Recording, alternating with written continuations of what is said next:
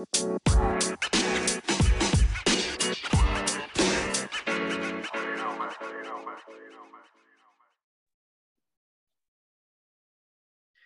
og velkommen til en ny episode av Jordbrukspodden. I dag har vi vært så heldige å ha fått med oss eh, Ole Torrisen. Du hadde et eh, leserinnlegg. Først, eh, kan ikke du si litt om hvem du er og hva du arbeider med, og hvor du bor i verden? Ja, jeg er jo opprinnelig fra Helgeland oppe i Meløy kommune. Der var jeg da vokste opp. Men jeg flytta jo til Bergen ganske tidlig. Studerte på Universitetet i Bergen og har jobba på Havforskningsinstituttet i Bergen i 40 år. Og også vært professor to ved Nord universitet i 15-20 år. Så hav og fisk, det har du god eh, kompetanse på, må man kunne si? Ja, ja da, jeg vokste opp omtrent i, i fiskebåten da, i et eh, si, eh, samfunn der man levde av eh, fisk og eh, jordbruk. Man hadde da ei ku og en, gjerne noen høns og en gris. Og så eh, drev da mannfolka fiske. Mm. Eh, og maten var, bestod jo da stort sett av fisk tre til fire dager i uka, og kjøtt sånn to til tre dager. Litt, litt etter sånn som det passer. Mm. Du er jo litt opptatt selvfølgelig av det her med kosthold og mat og selvforsyning og sånne ting. Og du har jo et leserinnlegg her for eh, det var vel forrige uke som vi leste og, og det var litt interessant og tenkte å høre litt uh, dine meninger. For de lytterne våre som ikke har uh, lest det leserinnlegget, kan ikke du si litt om hvorfor du engasjerte deg i å skrive det, og hva, hva innholdet gikk, hvordan på en måte meninger du ønska å belyse og, og få fram i lyset? Eh, bakgrunnen for det er jo at eh, vi fikk den nye kostholdsmeldinga. Eh, og har også hatt en eh, debatt gående som selvforsyningsgraden de, den siste tida. Eh, og en del utsagn fra vår tidligere landbruksminister Sandra Borch og finansministeren Trygve Vedum provoserte meg ganske mye. Der de drar fram da vår dårlige selvforsyningsgrad, og så sier de at det er alvorlig i en krisesituasjon, fordi at vi ikke greier å fø vår egen befolkning. Det de da totalt overser, det er jo det vi eksporterer av mat her i, i landet. Og vi eksporterer jo egentlig kolossalt mye mat. Eh, Norge er jo enten tredje eller fjerde største eksportør av fisk i verden. Eh, det er kun eh, Kina og Vietnam som er vesentlig større. og så konkurrerer da Norge og Chile om, om, om tredjeplassen. Så vi, vi eksporterer ca. 3 millioner tonn fisk hvert eneste år. Og det er egentlig nok til sånn ca. 15 milliarder middagsmåltid. Sånn at i utgangspunktet så kunne vi ha født en norsk befolkning på bare fisk om vi eh, strengt tatt måtte. Så når da eh, Vedum og Borch da sier at vi ikke har mat nok i dette landet her til å fø vår egen befolkning, så, er, så, grenser det nesten til løgn. fordi at de vet bedre. De vet at vi har en enorm eksport av mat som de ikke tar med i de, sine betraktninger. Det var det ene, ene som provoserte meg litt. Og så eh, har vi også fått nye kostholdsråd der vi sier at vi vi må spise mindre av eh, rødt kjøtt og eh, kjøtt generelt sett. Og vi skal spise mer frukt og grønt. Og eh, vi skal spise mer fisk. Og da går vår tidligere landbruksminister og Vedum sterkt imot de rådene der, og mener at det er bare tull. Og det syns det faktisk talt at eh, de ikke har kompetanse til å la seg uttale seg om. Mm. Men handler ikke det her litt om hvordan man definerer altså Hva er selvforsyning, hvordan man definerer det? Altså, sånn som jeg tenker, da, så handler det jo om det som vi produserer på norske ressurser. Og du drar jo opp da at vi er en stor eksportør, spesielt av oppdrettslaks og mye viltfisk. Um, på oppdrettslakssida så er det vel sånn at borti 95-96% er jo importert fôr. Og en del av de resterende bestandsdelene er vel og en del eh, fiskearter som faktisk hører hjemme i det naturlige kretsløpet i, i, naturen, som altså er en del av matinntaket til mye villfisk. Um, hvordan definerer du selvforsyning? Ja, altså Selvforsyningsgraden, sånn som, sånn som Vedum og, og Borch bruker den, er jo da regna ut av Nibio. Og De eh, tar utgangspunkt i det som vi kjøper i butikken. Eh, det er la oss si, de varene vi da eh, kjøper i forretningen, og så ser de hvor stor andel av den på energibasis som kommer fra la oss si, norsk produksjon. Det betyr i realiteten at uh, det er la oss si, vår preferanse når vi går i butikken som uh, la oss si, bestemmer hva som er la oss si, bidrar selvforsyningsgraden. Eh, og Det er helt sant det du sier at eh, en stor del av eh, oppdrettsfisken eh, går på importert eh, fôr.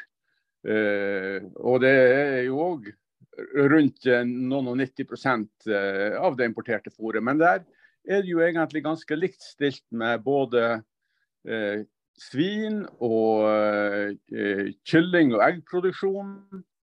Også til en, stor, også til en viss grad da, la oss si, eh, produksjon da, av, av, melk og, og, rødt kjøtt, og, og også la oss si, sau.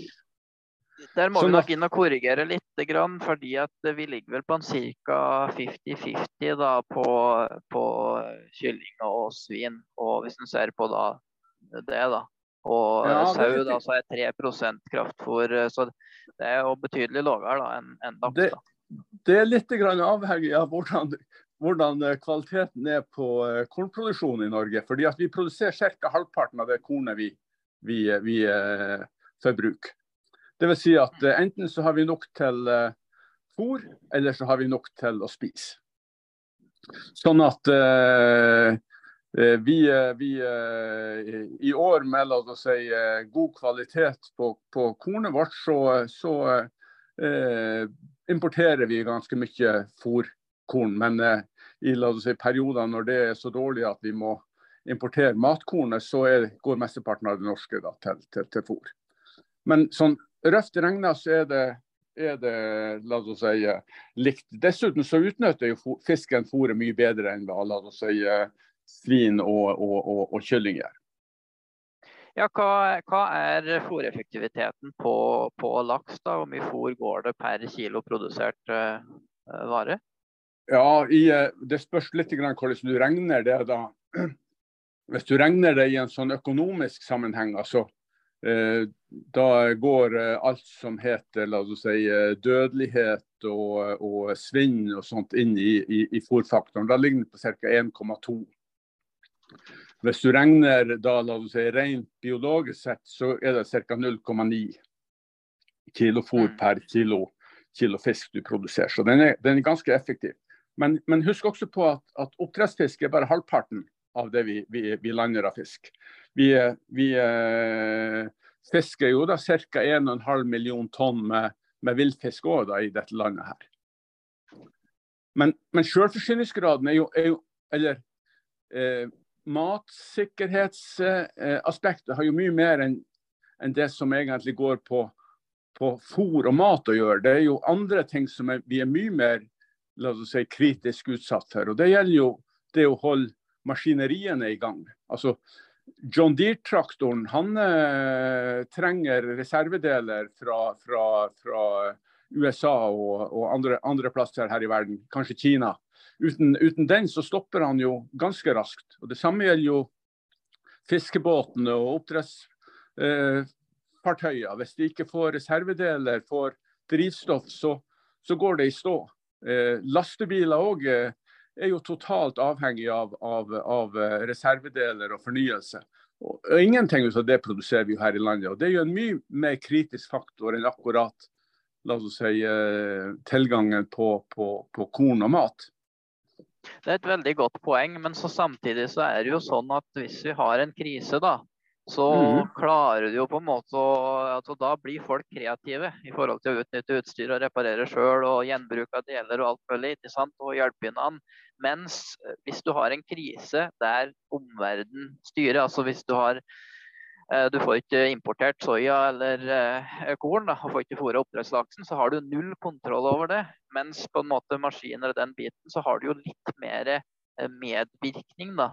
Sånn at det vil jo, ta, det vil jo bli et kjempeproblem, det òg, men det vil jo ta litt lengre tid enn hvis du får type faktorer med eksport- eller importstopp. da. Så det blir jo litt forskjell der, gjør det ikke? Eh, jo, det vil det være, men da må du òg tenke på at f.eks. oppdrettslaksen som vi da eksporterer ca. 90% av. Han holder seg jo i det livet i ca. et år uten mat. Altså Det er ikke noe problem å sulte en fisk i nesten et år uten, uten mat, og han fortsatt vil være i live og fortsatt kan spises. Så det er jo et enormt la oss si, spisskammers som står der ute, og som vil være, være, være si, et sånt reservelager om krisa virkelig skulle bli ille. Og Nå må du ikke tolke det som at jeg foreslår at man skal drive og sulte ned fisken, men, men han, han, lever godt et år eh, uten i det hele tatt å, å, å, å, se mat. Han blir litt magrere og tynnere, men, men proteiner vil fortsatt eh, i stor grad være der. Så du vil ikke få sykdomsutfordringer, kannibalisme og, og sånne type utfordringer dersom man ikke får fôr over lengre tid, altså? Ja, det vil øke, det vil øke med kannibalisme og, og, og, og, bitskader. Men han vil stort sett gå i sånn hvilemodus og, uh, la oss si uh, være relativt passiv. Så han har en enorm toleranse til akkurat det å på en måte sulte. uten at det går utover la oss si, vekt og, og spiseligheter.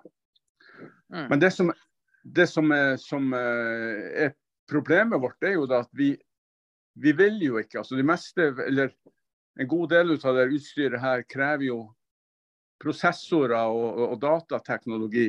Det er ikke sånn som før i de gamle dager, når man, eh, hvis det var en del som gikk, eh, gikk eh, la oss si, knakk sammen, så kunne man gå til en fyr med en dreiebenk og så dreie han noe nytt å sette inn.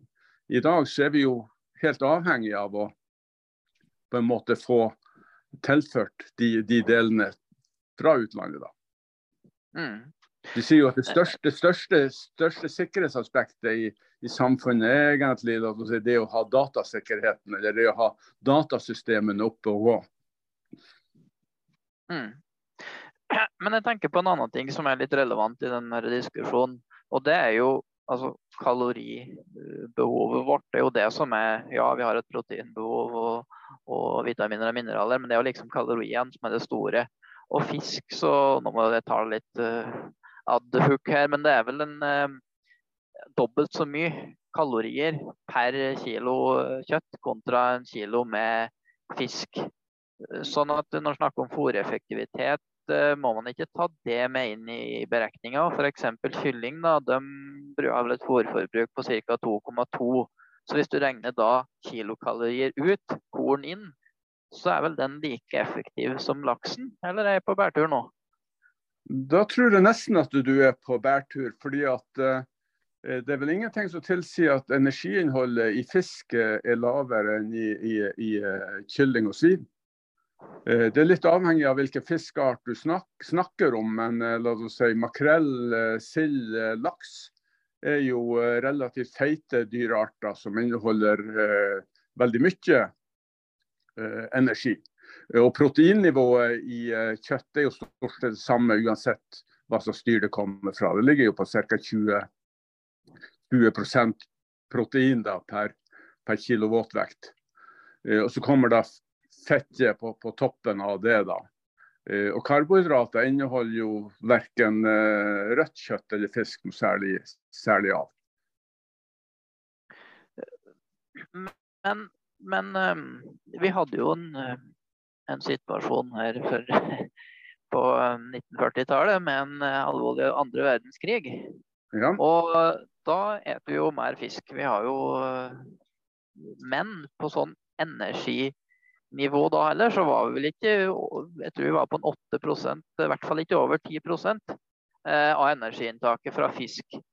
Og det da sliter jeg litt med å skjønne eh, altså, Hvorfor gikk ikke det enda høyere da, hvis det er sånn at fisk er en så eh, kaloririk eh, matvare, på en måte? Eh, og du har jo hvis du spiser fisk til middagen altså jeg som er gårdbruker og arbeider fysisk, jeg føler ikke akkurat at jeg har nok punch i det hvis jeg ikke spiser noe brød i løpet av en dag og kanskje litt kjøtt. Men det er mulig jeg bare er forutinntatt, da. men det er jo noe der som ikke henger helt på, på greip, er det ikke det? Når energiinntaket ikke var høyere totalt sett under krigen fra fisk?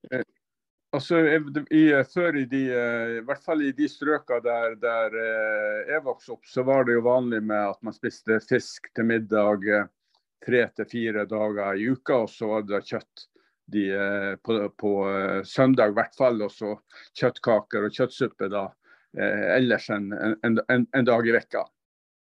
Uh, og det var, jo, det var, jo, det som på en måte var, var, var standardkostholdet. Men energiinnholdet i fisk og kjøtt er uh, sammenlignbart, bortsett fra det som går på fett. En del fiskearter inneholder eh, ganske mye fett, mens andre inneholder eh, lite, lite, fett. Sånn som så, så torsk og sei inneholder jo da lite fett i selve, selve fileten, da, men de har jo da ei feit lever som man eventuelt kan, kan spe på med. Men energiinnholdet i, kjøtt, i kjøtt og fisk er ikke, er ikke, så vesentlig forskjellig. Men det er klart at, eh, at uh, kornprodukter gir jo mer vannfyll. Altså det, det, det, fyller jo mer i magen, det som inneholder mye fiber. Og, og det er jo den store forskjellen. Altså Fisk og kjøtt inneholder jo, jo nesten også ikke fiber. Mm. Men, men altså Hvorfor da spørsmålet er jo da, hvorfor kom ikke For de har jo, jeg skjønner jo at de spiste mye fisk eh, da. Eh, og det er jo mulig å gjøre det nå. Men poenget var jo at når de da regna på det totale kaloriinntaket i hele befolkninga som kom fra fisk, så var jo det under en tiendedel. Dvs. Si resten mhm. kom jo da fra grønnsaker, korn, potet, øh, kjøtt. Sånn at uh, I en krisesituasjon beviser ikke det da at det begrenser seg hvor mye fisk du kan ete i en befolkning totalt sett? Har vi ikke på en måte, Er ikke det empirisk forskning når det faktisk har, har skjedd? da? Altså Det er klart at det vil være et relativt, uh, relativt kjedelig uh, kosthold hvis du skulle spise makrell til alle måltidene dine i løpet av et år. Eh, så det, det, det, det, er det ingen tvil om. Og, og la oss si, Korn og, og, og, rotvekster og sånne ting vil jo alltid være en, en, en del av, av, kosten. Og jeg har jo ikke sagt at man bare skal spise fisk. Jeg har sagt at man med, når man regner på selvforsyningsgrad, så må man ta med det man produserer av mat her i landet, og ikke på en måte bare eh, ekskludere det som er store, det store volumet. Eh, mm. og eh, det er, jo, det er, jo, det som jeg syns er litt, litt uh, uredelig. Og så syns jeg òg at det er litt uh, ufint av, av, Vedum når han, han la oss si, går i strupen på de som kommer med de nye kostholdsrådene og sier at de kan si hva de vil, men de skal spise mer kjøtt. og det er klart at når du subsidierer norsk landbruk med 25 milliarder kroner per år da, og skal skattlegge Eh, laksen med 25-30 milliarder kroner, så, så, gir det en viss eh, konkurransevridning i eh, dagligvaremarkedet. Altså kjøtt blir eh, uforholdsvis messig mye billigere i butikken enn hva la oss si, laks og fisk egentlig bør være. Og da, da, altså, da, gjør, da, velger jo ikke folk fritt lenger. Da er det jo på en måte lommeboka som styrer. Man velger da kjøtt fordi at det er relativt sett billigere enn fisk.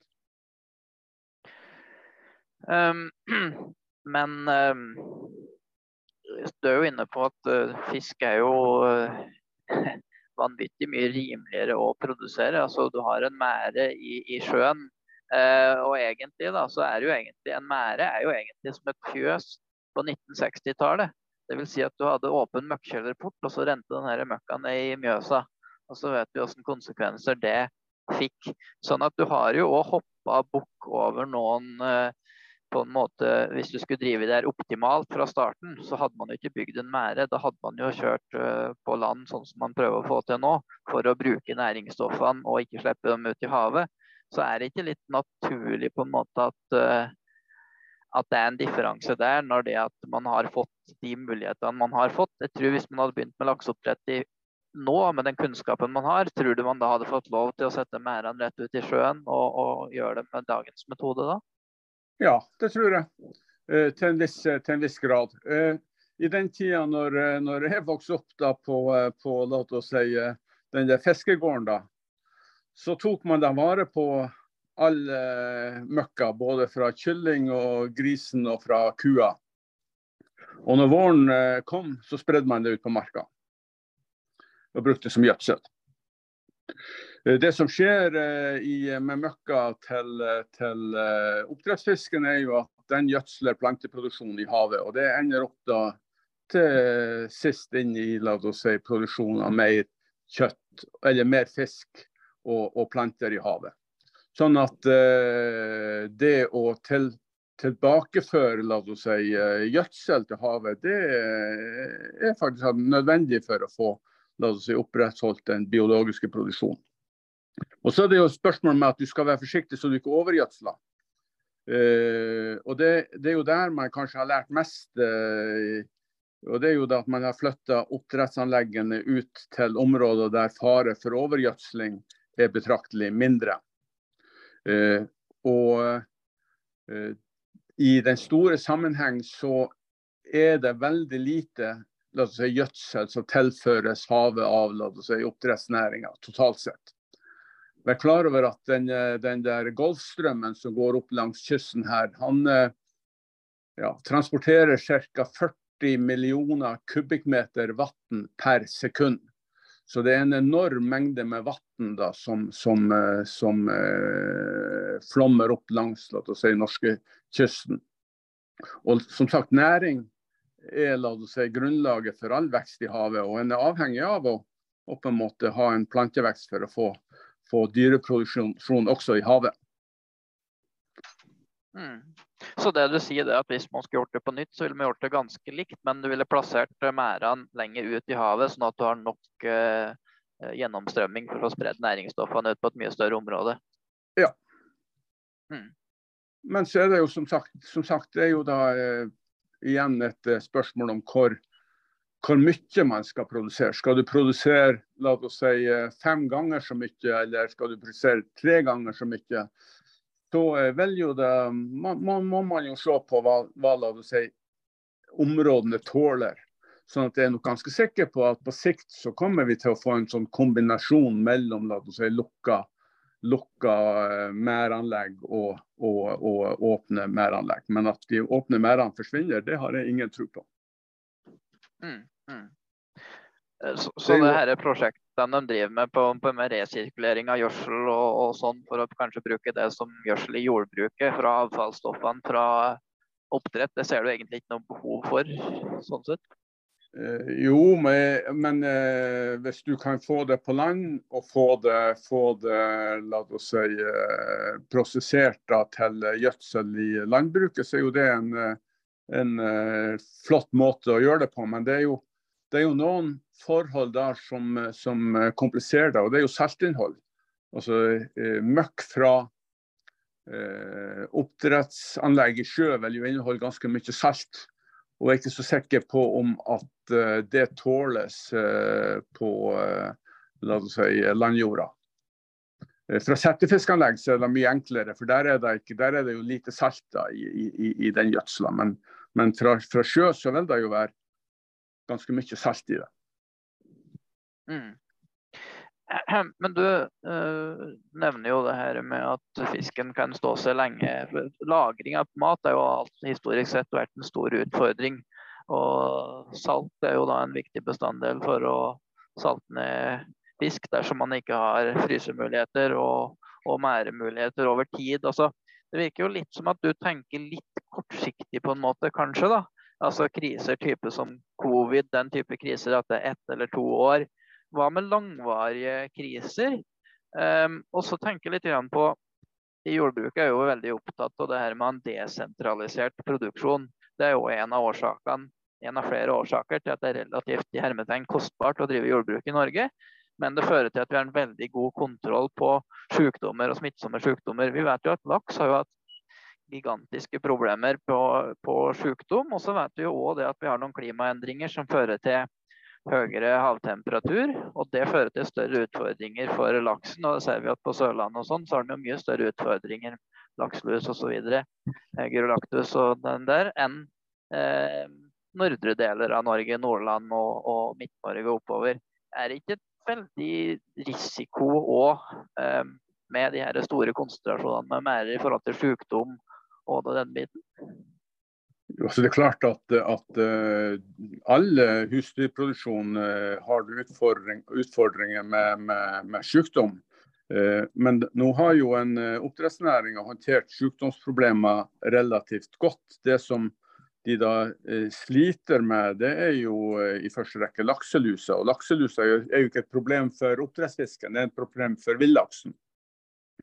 Eh, det betyr ikke at det ikke skal løses, men, men, eh, men eh, det, og det, utfordringen der er at det er så fryktelig lite lus i oppdrettsanleggene som skal til for at det går utover, utover villaksen. Eh, og Det er jo der du i første rekke får fordelen med la si, lukka merdanlegg, at du vil ha kontroll på, på, på, på spredning av parasitter. Men eh, hvis du ser på desentralisert eh, produksjon. Altså, eh, det er klart at eh, potensialet for fiskeoppdrett i Finnmark er langt, langt større enn det vil være for la oss si, landbruksproduksjon. og hvis du skal bruke milliarder av kroner på, på landbruks, eller til å subsidiere landbruksproduksjon, så er jo det for så vidt greit nok hvis du sier at det er i et, et uh, la oss si, distriktsmessig aspekt, men i en mat, altså matproduksjonsaspekt, så vil du jo få mye mye mer igjen for de pengene om du bruker det på å produsere mat i marin sektor. Eh, fordi at Den har jo ikke på langt nær utnytta de marine ressursene som man har. Og det kan man jo gjøre relativt billig. Så man behøver ikke bruke så fryktelig mange milliarder på å si, få opp høsting av både eh, la oss si, skalldyr og tang og tare. Så det, der, der, tror jeg nok det, si, hvis det er et mat, matforsyningsperspektiv, så er det bedre å bruke de milliardene i, i, i marin sektor enn det vil være på landbruket. da. Men når det gjelder la oss si, eh, distrikter, så er det klart at landbruket er jo ekstremt viktig for, for bosetning i, i, i distrikter. Det er jo på mange måter en, en, en nøkkelindustri. Mm. Men det er jo et annet aspekt, aspekt av det igjen. Så jeg, jeg, har jo aldri sagt at 25 milliarder er for mye. Jeg bare sier at, at det, det, vrir konkurransen over til kjøtt uh, istedenfor fisk, og, og, og at uh, kostholdsrådene sier at vi skal spise mer fisk. Så da henger det liksom ikke på, på greip at man la oss si, uh, skattlegger fisken og ekstra og, og, og subsidierer rødt kjøttproduksjon. Men kunne man ikke gjort det på andre måter? Jeg har jo tatt til orde mange ganger at det er jo veldig enkelt egentlig dersom man ønsker å stimulere til et ønska forbruk, mer sunt, mer klimavennlig osv., eventuelt andre parametere, så kan man jo bare bruke momsen. At du skrur ned momsen på det, det du ønsker å stimulere forbruket på. Men eh, Det var bare en kommentar. Men det er spørsmål, altså du tar jo litt teoretisk utgangspunkt føler da, når du snakker om at uh, hvordan du da kunne brukt ressursene best mulig for å produsere mest mulig mat. Så da tar du jo gitt at forbruket følger etter. Men vi vet jo det at forbrukeren har jo det forbruket de har. Og da må vi vel legge opp en matvareproduksjon som står i samsvar med det forbrukeren etterspør. For det er jo veldig vanskelig å endre forbrukermønster, i hvert fall over kort tid. Ja, altså Økonomi er jo en av de tingene som på en måte eh, styrer eh, la oss si, hva folk uh, kjøper. Og det er klart at Når du subsidierer kjøttproduksjon og skattlegger fisken, så blir jo la oss si, forbruket av kjøtt høyere enn det ville vært hvis de hadde konkurrert på, på like vilkår. Eh, sånn at, at eh, dagens eh, landbruks- eller dagens subsidiepolitikk gjør jo at folk spiser mer kjøtt enn de ville gjort hvis det ikke var subsidier på det. Sånn at uh, Går du i, i, i, i uh, forretningene i dag, så er jo la oss si uh, fisk Ja. Den er jo si, like dyr som kjøtt. da. på tross av si, at, at kjøttet får si, ganske, ganske store subsidier. Ja, det er jo på en måte riktig, men samtidig så blir jo sammenlignet litt epler og pærer. da, fordi at du har jo en helt annen produksjonskostnad. Nå har jo den gått opp en del på laks, men for noen år siden når jeg fulgte med, så lå den mye rundt 35 kroner. Og så har du jo hatt utsalgspriser oppi 90 kroner kiloen, eh, så det har jo vært noen gullår for laks. Mm. Mm. Men, men, eh, men ja. Men, Mens det, for meg, da, hvis jeg, hvis jeg, skulle tatt ut samme lønn da, som du har gjennomsnittlig lønn i et lakseoppdrettsfirma, da, hvis jeg skulle betalt det samme til meg sjøl, avløseren min, som, eh, eh, som oppdrettsfirmaene gjør, så ville jeg gått i minus. Dvs. Si at salgsverdien min er jo mindre enn mine totale produksjonskostnader. Um, sånn at Du kan jo på en måte ikke sammenligne et produkt som er mye mer kostbart å produsere. Jeg må jo ha et digert fjøs kontra ei mære i sjøen, på en måte. Ser du den uh, vinklinga? Ja, jeg, jeg, ser jo den, men, men la oss si, like fullt så er det jo et spørsmål om la oss si, eh, hvordan du skal på en måte Eller hva du egentlig ønsker at folk skal, skal spise. Det er jo ikke noen vits å Altså, eh, bøndene er jo til for å skaffe mat til det norske folket, da. Det er ikke sånn at det norske folket er til for å ta unna de produktene som eh, landbruket produserer. Sånn at Det er jo viktig at man da produserer etter behovet. Og Hadde man spist eh, mer eh, fisk, så hadde man hatt behov for mindre kjøtt. Og Det er jo det la oss si, eh, de kostholdsrådene sier, det at vi bør spise mindre kjøtt og mer fisk. Og Da må la oss si, eh, da kan, kan, gjerne prisen på kjøttet gå opp, og, og, og, og la oss si, eh, prisen på fisk være der den er så vil folk automatisk da velge mer, mer, eh, mer, fisk og få et sunnere kosthold. Mm. Ja, der er jeg veldig enig. og Vi her i redaksjonen i Jordbruksbåten har jo tatt til orde for at ja, kanskje vi må produsere litt mindre kjøtt. da, Fem eller 7-8 eller hva den er forbrukeren ønsker framover. Og så må vi heller ta ut en litt mer riktigere pris i markedet. Men det er jo litt interessant òg, da, at eh, vi, vi, kan jo ikke hoppe bukk over det her med, med, med smak og, og, preferanser og kultur osv. Altså, du får jo kjøpt uh, kjøttdeig uh, som er hva skal jeg si uh, Ja, den er jo noe rimeligere enn fisk, men tror du hvis prisen har vært lik, at forbruket har dreid seg vesentlig når du har en så kjøpesterk befolkning? Eh, vi er jo et luksusdyr ut av annet og har veldig god økonomi, folk flest. da. Ja, altså jeg er ganske sikker på at uh, hvis uh, prisen på fisk uh, eller på, på kjøtt har vært, vesentlig større, så vil, vel folk ha, ha, valgt fisk i stedet for. Det er jeg ganske sikker på de ville gjort. Mm. Så den mekanismen er jo der. Sånn at det, det vil det være. Mm. Så en liten påstand eh, å ha, det er jo at eh, hadde vi ikke hatt eh, det desentraliserte landbruket i utgangspunktet, så hadde vi kanskje aldri heller hatt oppdrettslaksen. For han ligger jo bare sånn som i området her, så har vi jo eh, Vikna og stor på laks, vi har Flatanger, eh, vi har eh, Eh, flere øyer. ikke sant? Og Der har det jo vært jordbruk, det har vært ferger, det har vært veiforbindelse og en infrastruktur. Og så tenker Jeg at hvis jeg ser jo på jordbruk litt som en forsikring. da, og vi vet jo ikke i framtida hvordan ressurser, om det er mineralressurser eller andre ting som vi sitter på rundt i Norge, som at det er veldig fornuftig å ha den infrastrukturen. Er du enig i den påstanden at, at det var i hvert fall en stor fordel å ha den infrastrukturen ute i distriktene der med tanke på å komme i gang med oppdrettslaks? Ja, så det er klart at, at, eh, at infrastrukturen eh, er viktig for, for eh, si, fiskeoppdrett og fiske. Det er klart at den, altså uten den så hadde en jo ikke på en måte greid å få fram produktene sine. Og En var jo avhengig av å ha folk til å jobbe på de anleggene. og hadde ikke det vært, vært latt å si, eh, folk, så hadde vel neppe blitt eh, den oppdrettsvirksomheten blitt lagt der heller, da. Men eh, nå er jo også, i dag så er jo også, si, oppdrettsnæringen en viktig faktor for å, å la oss si, opprettholde den, den infrastrukturen. Jeg, prøvde, jeg, jeg seilte ned langs norskekysten i, i sommer i seilbåt. Og jeg kom vel til at ca. halvparten av, av, de båter jeg så når jeg seilte langs eh, kysten, var knytta til oppdrettsnæringen.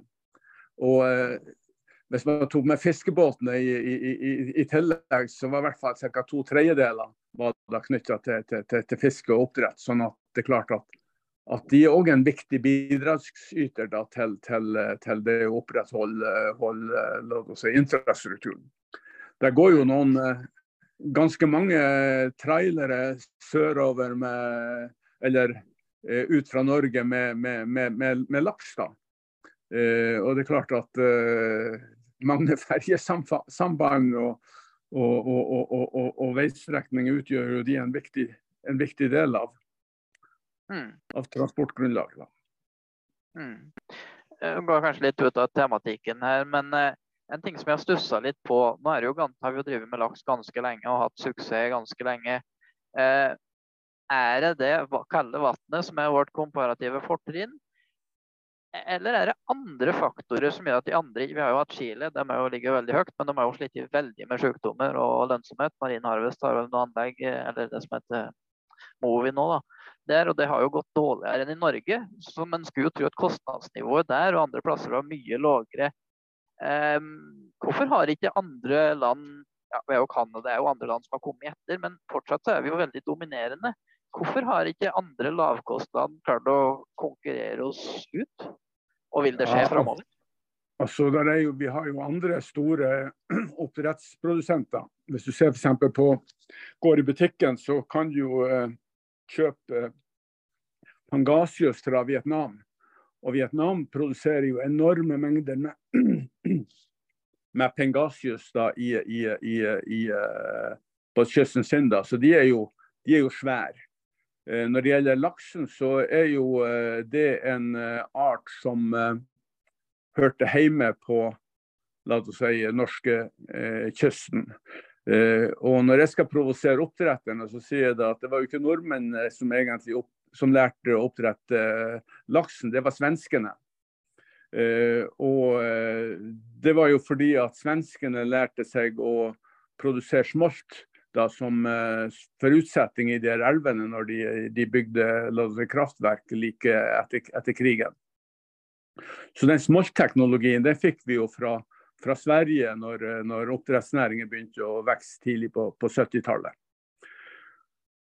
Men jeg vil vel egentlig si at det er to årsaker til at det har gått veldig godt i Norge. Det ene er at man hadde en, en fiskekompetanse i, i, dette landet her som var ganske unikt. Man hadde la oss si, en fiskeindustri som på en måte var veldig kreativ og som var veldig innovativ. og som på mange måter da dro innovasjon framover. Og så hadde vi en annen og veldig viktig faktor, og det var forvaltningen. Vi hadde en forvaltning som så muligheter heller enn problemer. Eh, Fiskeridirektoratet var la oss si, eh, på 70- og 80-tallet en veldig la oss si, positiv faktor i det å, å, å bygge og det å, å, lage gode reguleringer som åpner for, for uh, vekst. Så uh, selv om kanskje oppdretterne vil være uenig med meg, uh, så vil jeg påstå at si, det forvaltningsregimet som vi hadde, var med på en måte å, å, å legge til rette for at man, man skulle få en, en, god næringsutvikling på kysten. Hmm. Da er det faktisk byråkratiet fungert? Ja, det fungerte da. Eh, men jeg pleier å si til deg nå i dag at hadde vi hatt det byråkratiet vi har i dag, så ville vi jo aldri ha fått noen oppdrettsnæring. Men det er en annen sak. Men da var de veldig veldig Det mangler på sunt bondevett? ja ja. Du, det er mye godt fisk jeg vet òg, skal jeg si deg. ja. Men um, det er jo litt uten tema det her òg, men det er litt interessant å spørre. Det, det går ut ifra at du er sterkt imot uh, beskatning av oppdrettsselskapene, regner jeg med. Um, men er Nei, ikke det altså, for, Ja. for å si det sånn sett, jeg har ingenting imot beskatning av oppdrettsselskapene. Det eneste jeg sier, det er at, eh, at eh, når Vedum sier at eh, folk eh, spiser eh, det de vil, så snakker han mot bedre vitende. Når han legger 25-30-40 milliarder i ekstra skatt på oppdrettsnæringen, så gjør det at oppdrettsnæringens produkter blir mindre konkurransedyktige i forhold til, til, til kjøttproduksjon. Og det vrir eh, matforbruket i feil retning i forhold til kostholdsmeldingen. Men hvordan, hvordan eh, en legger eh, skatteordningen og sånt, det er på en måte utafor det som jeg har noe som helst å skreie på. Mm. Nei, for det som jeg reagerer litt på, det er jo at du har tilbakevirkende kraft. Og det er jo egentlig en veldig uting. Jeg er egentlig for beskatninga som prinsipp når du bruker en naturressurs som er et Mhm. fellesgode. Men det tilbakevirkende det er jo ikke bra i forhold til en sånn rettsstattankegang, da syns jeg i hvert fall. da. Fordi du tar investeringer ut ifra eh, de faktorene du kjenner til. Og da skal du ikke ha ting som slår tilbakevirkende politisk sånn. Det, det blir litt molbo etter mitt syn. Ja, eh, ja eh, det, det er jo enig, enig med deg. Man bør jo helst vite hvor mye, mye, skatt man skal betale, eller hva skatteregimet er før man går i gang med, i gang med, med, med produksjon. Så, men eh, fellesområde og fellesområde, det er jo veldig altså Det med eiendomsrett er jo, er jo for så vidt et ganske interessant uh, tema, da. Uh, det er helt klart at uh, ressursene Altså, landbruket fikk jo i utgangspunktet eiendomsrett til den jorda de i utgangspunktet tok i besittelse. Når de kom inn her, så var, var jorda gratis. Mm. Og de, de etablerte en eiendomsrett på den. Eh, de eh, Min tipp-tipp-tippoldefar, som eh, kanskje også var fisker, han fikk aldri noen eiendomsretter til, til eh, det havet han, han, han fiska på. Det var på en måte og, og, og, statusen til han var en helt annen enn en, en, hva den var til si, eh, norske bønder. Eh, en har jo fleipa mange ganger med at eh, de som skrev grunnlov, grunnloven vår, de var stort sett bønder. Det fantes ikke en eneste fisker blant de. Eh, sånn at det har noe, det har noe med å si den, den la oss si, autoritet, eller den, den påvirkningskraft man hadde for å få la oss si, eiendomsretten nå, da. Eh, så etter mitt syn så er jo egentlig eh, Fiskeressursene er jo egentlig en, en, en, en felleseiendom til si, kystbefolkninga. Altså, det er jo i utgangspunktet de som har brukt den for å livnære seg. Så hvis man på en måte skal, skal uh, hevde uh, eiendomsrett til land, så må man jo på en måte også se at det er noen som har hevdvunne rettigheter også til, til å bruke havet. Ja, vi har jo et eksempel på det. Kilenotfiskere f.eks. Og de er vel ikke så veldig happy med oppdrettslaksen, for å si det sånn. Litt som elveeiere her i, i Namsen f.eks. Men det var en digresjon. Men jeg skjønner jo det at du, du er jo ikke en motstander til å bruke eh, midler på jordbruket og prøve, prøve å sette det i en kontekst. Men forstår du det at når vi som ja, nå har jeg jo bevist det at i 2020 hadde norske gårdbrukere og matprodusenter en gjennomsnittlig inntekt på 212 000 per årsverk, som skulle dekke innsatt kapital og arbeidsvederlag. Og da når du trekker bort kapitalen, så sitter du igjen med et arbeidsvederlag som er latterlig lavt da, i norsk sammenheng, langt under minstelønn. Skjønner du at du blir litt, litt sånn provosert når du liksom prøver å sette ting opp mot hverandre? Og når vi òg husker på det at vi har et oljefond som er på sånn 1300 milliarder, og vi har et statsbudsjett oppi 2000 milliarder, som er nesten tre ganger av Finland, som er på noe som er sammenlignbart som oss. Og så snakker du om 20-30 milliarder. Vi syns på en måte egentlig det er for lite vi da, for å klare å brødfø oss sjøl og familien vår. på en måte. Ser, skjønner du at vi blir litt sånn provosert når vi er en yrkesgruppe som, som ligger så langt etter resten av samfunnet. Og samtidig så er jo da de som har drevet med laks de siste årene, har jo blitt ufattelig formuende, mange av dem. Ja, eh, eh, men nå er det jo sånn at det er mange ting her i verden som er urettferdig. Og alt kan ikke, la oss si, eh, deles akkurat i to. Eh, og de subsidiene kan jo på en måte kalkuleres, eller de kan, de kan man jo Hvis man fordeler de per årsverk da, i landbruket, så er det ca. Ja, mellom 500 og 600 000 per årsverk som går da direkte i, i subsidier da, til, til, landbruket. Eh, sånn at det er jo på en måte spørsmål om, om hvordan man skal la oss si, eh, Hvis man skal si at man skal bruke samme, den samme summen, så er det jo spørsmål om hva skal man produsere på det. Men det er jo ikke nødvendigvis at man skal produsere like mye da, eh, for akkurat eh, den summen. Altså, det, er jo, det er jo hvis at produksjonskostnadene er det som på en måte spiser opp subsidiene, så kan det jo være at det er like godt å produsere litt mindre og heller fokusere på ting som kan gi litt, litt, litt bedre avkastning.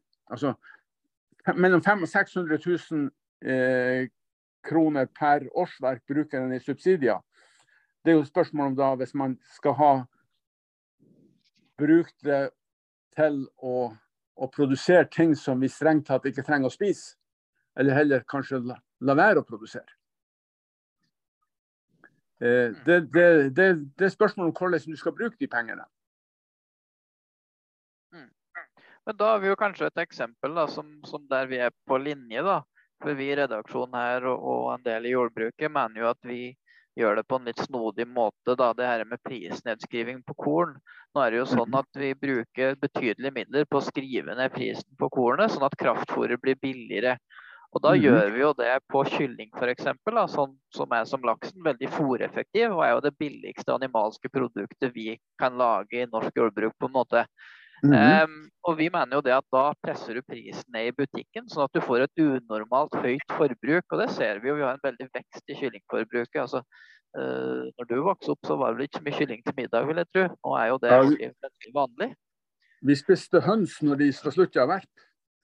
Ja, men hva tenker du om at vi driver med den måten? Vi i redaksjonen her mener jo at det er helt tullete. Vi burde heller latt dem ta ut den prisen i markedet, da, dem som driver med kylling. Og så får du heller bruke de midlene på storfekjøtt og lammekjøtt og korn og grønt, da, som er mer eh, vanskelig å få økonomi i å selge produktet til en pris som forbrukerne kan akseptere, og ergo må ha en del subsidier. Hva tenker du om det? Altså, jeg, ikke, altså, jeg, jeg, jeg vet bare at pris er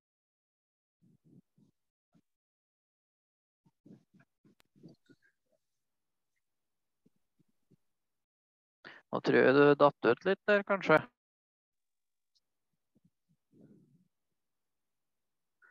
Hører du meg, Ole? Jeg tror du muta det. Så du må ta og trykke på den røde knappen nede til venstre der.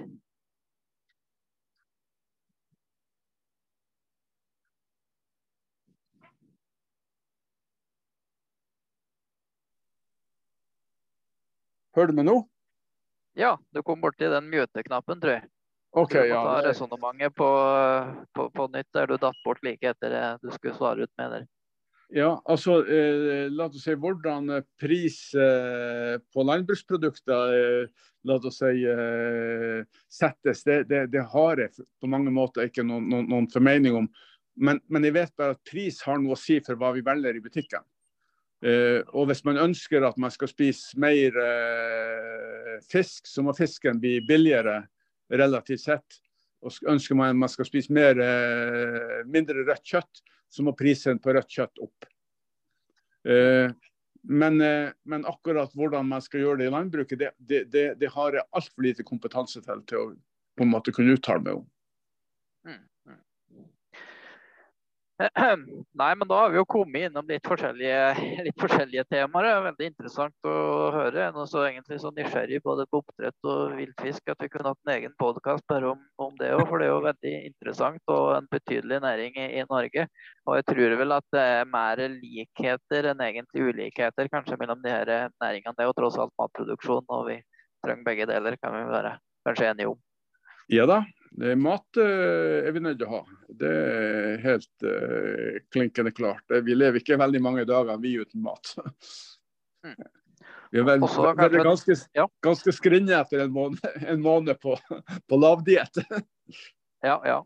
Og så kan vi vel kanskje være enige om at på, hvis du snakker langvarige kriser, så må vi regne selvforsyning ut ifra det vi produserer sjøl. Også i kortvarige et kortvarig scenario, så har du jo store muligheter på, i laksemerder og, og, andre ting der vi har lagra mat, eventuelt om det er beredskapslagring på korn osv. Men i virkelig langsiktig så er det vel kun det som vi produserer sjøl har mest mulig kontroll over. Og, og, du var jo innom det her med maskiner og sånn, og nå ser en jo òg at mange land, spesielt etter covid og da det problemet med frakt og sånn, går tilbake til å faktisk produsere mye sjøl for å være mindre sårbare. Og det er jo, det er jo en trend, da. Men eh, jeg tror heller eh, jeg tror også at vi er nødt å, å, basere oss på at vi har et eh, samarbeid med de landene som er rundt oss.